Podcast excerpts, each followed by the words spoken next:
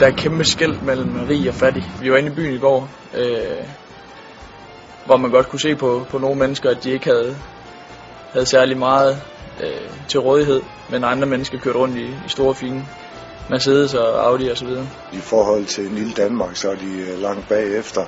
Øh, omklædningsfaciliteter er ikke særlig gode, og øh, øh, banerne er heller ikke, øh, som vi er vant til i Danmark.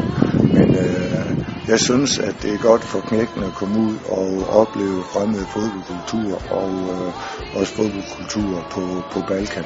Så på den måde der må vi sige, at det er med til at skole også vores øh, unge spillere.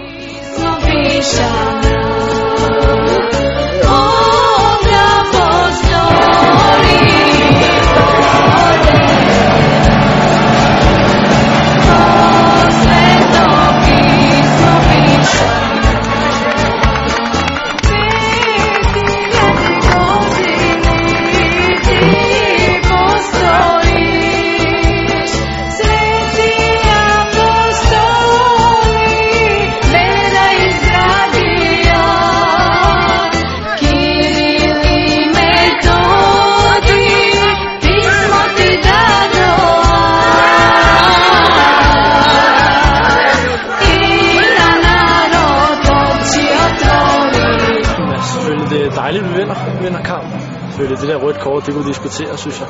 Men øh, jeg synes, det er dejligt, at vi, vi rejser os efter en lidt sløj første indsats. Vi gjorde det i anden halvleg, at øh, vi gik over til at spille lidt mere primitivt, end øh, vi plejer. Det var meget, meget svært at få spillet til at flyde, og derfor gik vi over til at slå lange bolde, så vi to øh, vores ret høje spillere øh, på top. Så det lykkedes heldigvis også at få scoret øh, et mål.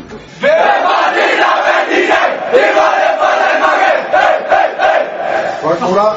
Hayır.